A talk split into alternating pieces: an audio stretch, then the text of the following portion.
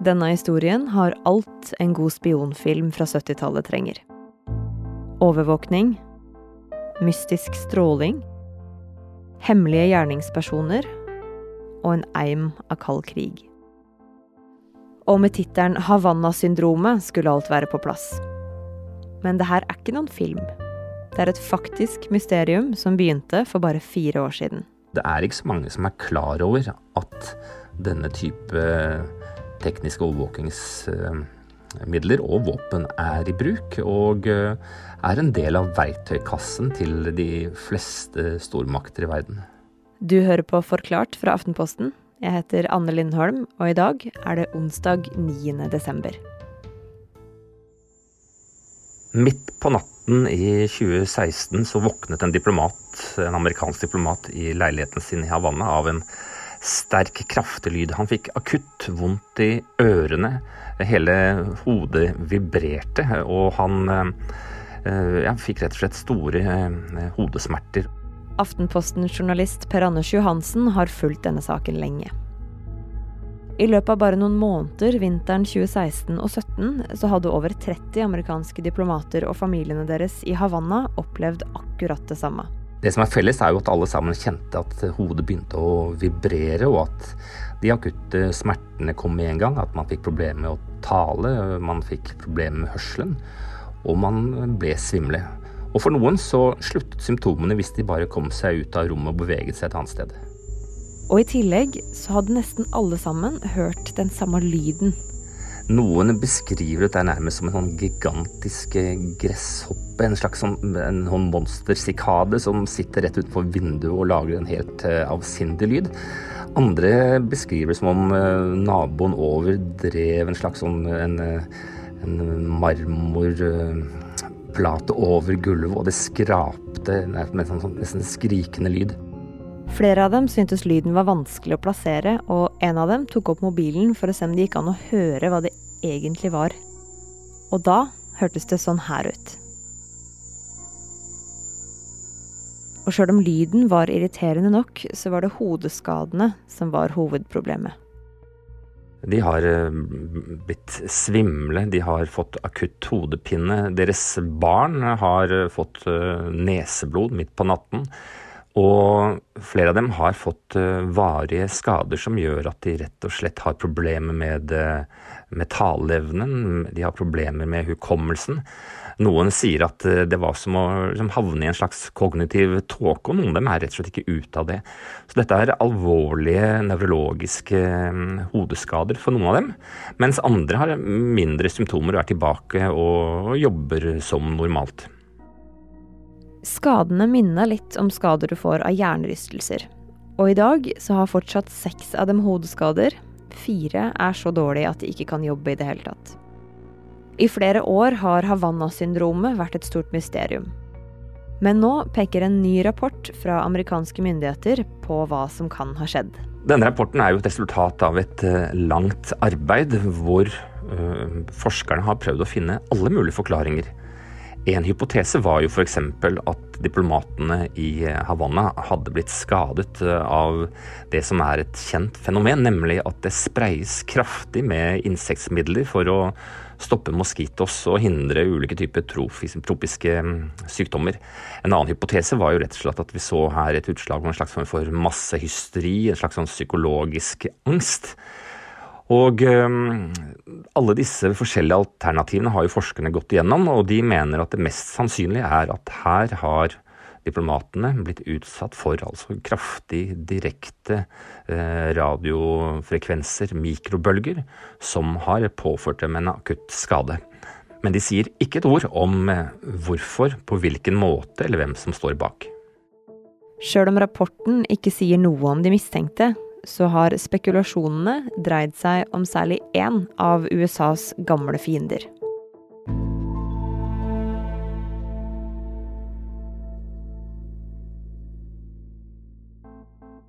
Så ifølge den nye rapporten så peker tegna i saken om Havanna-syndromet i en retning. Husa og hotellrommene som diplomatene bodde på, ble utsatt for veldig kraftige direkte mikrobølger. Mikrobølger i seg sjøl trenger ikke være farlig.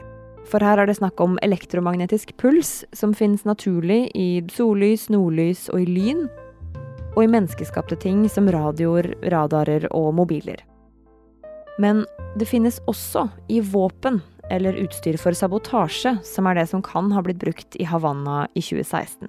Det som kjennetegner eh, disse skadene og de eventuelt våpnene eller tekniske innretningene som har forårsaket og kan ha forårsaket dette, så er det altså mm, snakk om at det sendes ut eh, mikrobølger, pulserende, som kan stilles inn slik at det da skader både teknisk utstyr eller fanger opp informasjon, eller rett og slett i verste fall også skader mennesker.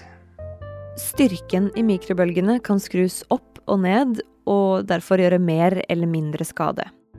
Og med riktig utstyr så kan de også rettes ganske nøyaktig mot det man vil treffe. Det, altså det skremmende med uh, særlig dette som et våpen, er jo at man ikke etterlater seg noe som helst signaler eller bevis. Det er slags uh, det perfekte våpenet hvis du ønsker å begå en forbrytelse uten å etterlate deg spor. Og hvordan ser et sånt våpen ut? Denne type våpen og denne type eh, tekniske utstyr for å drive, sende elektromagnetisk puls har jo eh, eksistert lenge. Allerede på 70-tallet så ble dette utviklet første gang. Og dette her eh, finnes i alle verdens former og størrelser, helt avhengig av hva det brukes til. Det finnes eh, håndholdte eh, våpen som du kan rett og slett bære med deg rundt. men meldingene fra f.eks. USA om de tilfellene vi kjenner til av sånn bekreftet eh, amerikansk utstyr, tyder på at noe er ganske stort. Altså Du trenger nesten en hel trailer for å få plass til det. Og uh, da er det ikke så lett å bevege seg rundt. Men for operasjoner f.eks. rettet mot diplomater som befinner seg på et hotellrom, så er dette utstyret du får inn i en koffert. Og nå ser jeg for meg at man kan liksom åpne en stresskoffert og brette ut en svær parabolantenne, sånn som på gammeldagse spionfilmer. Er det sånn det ser ut? Ja, det er akkurat slik det ser ut. Man har jo sett eksempler på denne type utstyr, og det, som alt annet så blir det mindre og mindre og enklere og enklere å bruke. Våpen som sender konsentrerte mikrobølger, har det vært snakka om lenge. Etter rapporten om at det kan ha blitt brukt i Havanna, så flyr mistankene og spekulasjonene. Og de som har eksperimentert med mikrobølger som våpen før, de havner høyt oppe på lista.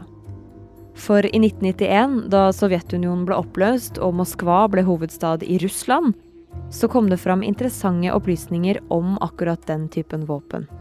Da Sovjetunionen gikk i oppløsning og de gamle sovjetarkivene ble åpne for forskere og andre, så fant man faktisk eh, flere rapporter som fortalte om hvordan denne type utstyr ble testet ut på sovjetiske soldater på 70-tallet. Også amerikanerne, kinesere og mange andre land har eh, utviklet denne type våpen. Det interessante var jo at eh, de amerikanske forskerne, når de undersøkte symptomene til diplomatene i Havanna, de oppdaget at eh, diplomatene på Cuba fikk akkurat de samme symptomene som de sovjetiske soldatene og vernepliktige fikk når de ble brukt som prøvekaniner av eh, de sovjetiske militære. Betyr det at det er russisk teknologi da, som kan ha vært brukt på Cuba? Det som er interessant med hele dette Cuba-mysteriet, eller Havanna-syndromet, er jo at Amerikanske myndigheter og det amerikanske utenriksdepartementet er svært forsiktige med å peke på noen ansvarlige. Tvert imot, etter at rapporten kom, så har de sagt at uh, dette er fortsatt under gransking, og uh, de kommer ikke til å si noe om uh, årsakene før de har fått mer på, på, bordet. Så det er mange land som har dette her, ikke bare, bare Russland. Amerikanere har det selv. Kinesere, iranere, tyrkere, israelere. De fleste største land har denne type teknisk utstyr, våpen eller uh, utstyr for å rett og slett sabotere fienden. Og vi har det antageligvis også i Norge. Men sjøl om disse veldig kraftige mikrobølgene har gjort skade, så er det ikke nødvendigvis sikkert at det var det som var meninga. For det kan også ha vært sånn at utstyr som sender ut strålinga, egentlig skulle brukes til avlytting eller sabotasje, og at hodeskadene som diplomatene i Havanna fikk, ikke var med vilje. Det er nesten vanskelig å forestille seg at det har vært et bevisst ønske om å ramme mange av diplomatene. Det er ikke alle her som har hatt så sentrale posisjoner. Men på den andre siden, dette er jo et uttrykk for den tiden vi lever i. Det tas i bruk eh, nye våpen, nye metoder. Og vi er på en måte, som eh, mange, både politikere og diplomater føler det, i en slags sånn konstant situasjon av en slags halvkrigføring, hvor det tas i bruk metoder som man kanskje ikke ville brukt tidligere. Per Anders han var Aftenpostens korrespondent i Russland i flere år, og faren hans var det før han igjen. Og Per Anders bodde og jobba i Moskva i 2016, og han forteller at da så merka han et tøffere klima i internasjonal politikk og diplomati. Jeg syklet daglig forbi den amerikanske ambassaden, som nærmest var en slags liten, liten festning inne i Moskva. Og eh, de amerikanske diplomatene jeg møtte, var, var ofte litt engstelig og bekymret for hva, eh, hva, som skjedde, og alle følte seg jo under overvåkning.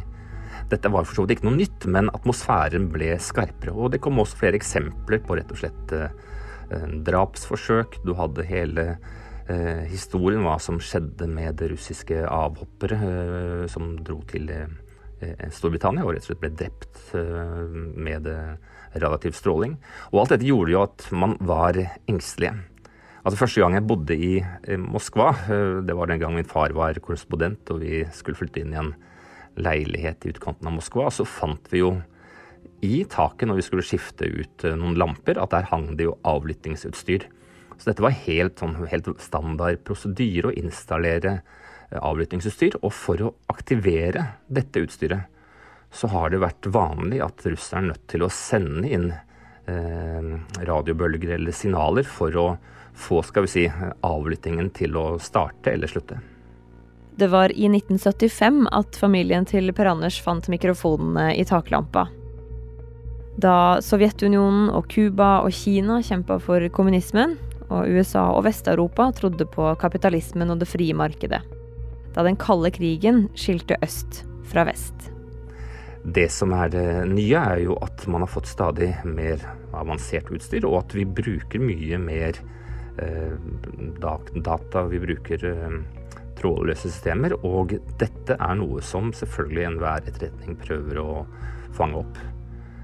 Hvis det verste skulle være tilfellet, at man eh, har faktisk prøvd å skade disse diplomatene med, med vilje, så står vi jo over, over, et, over et veldig dystert scenario. Men for eh, diplomatene så er jo det nesten det samme. De, eh, de, lever jo med frykten og redselen, og jeg er ganske sikker på at ikke bare er amerikanske diplomater, men også norske og europeiske diplomater, som tenker sitt når de beveger seg i et, eh, et, landskap, i en by, i et land, hvor de er under konstant overvåking.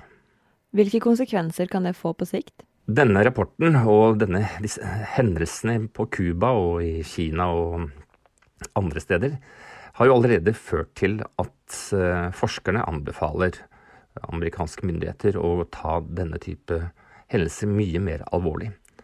Det som skjedde etter eh, Cuba og, og Kina-hendelsene, var jo at eh, det var de ansatte selv som måtte bruke mye tid og ressurser på å dokumentere sine skader. Og man hadde ikke noe system for hvordan dette skulle følges opp, eh, hvordan det skulle granskes. Og når man først fant noe, så har jo veldig mye av dette her vært strengt gradert informasjon. Selv disse forskerne som nå har gått gjennom alt de kunne finne, klager jo over at amerikansk militære og også amerikanske myndigheter holdt tilbake rapporter som kunne gjort deres arbeid eh, lettere. Og neste gang en slik hendelse kommer på bordet ved en ambassade, så skal det foreligge helt andre rutiner, eh, reaksjonsmønstre, for umiddelbart å finne ut hva var det som skjedde. Noe av det de foreslår, er å undersøke helsa til ambassadører og andre som skal til andre land, både før de drar og etter at de har kommet tilbake. I tillegg går det også an å bygge inn vegger og tak med materialer som blokkerer strålinga.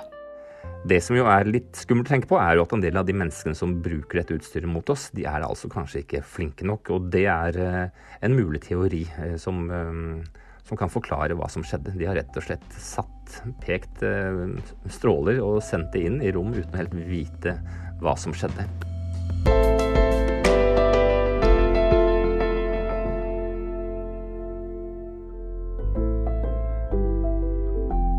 Aftenposten og Oslo kjenner hverandre godt. Og nå skal vi bli enda bedre kjent. Aftenposten styrker Oslo-dekninga, og vi har lyst ut en hel haug med nye journaliststillinger. Vil du bli med? Gå inn på ap.no ledige stillinger. Det er altså ap.no ledige stillinger. Den episoden her er lagd av produsent Fride Næss Nonstad og meg, Anne Lindholm. Resten av Forklart er David Vekoni, Caroline Fossland og Marit Eriksdatter Gjelland. Du har hørt lyd fra nyhetsbyrået AP.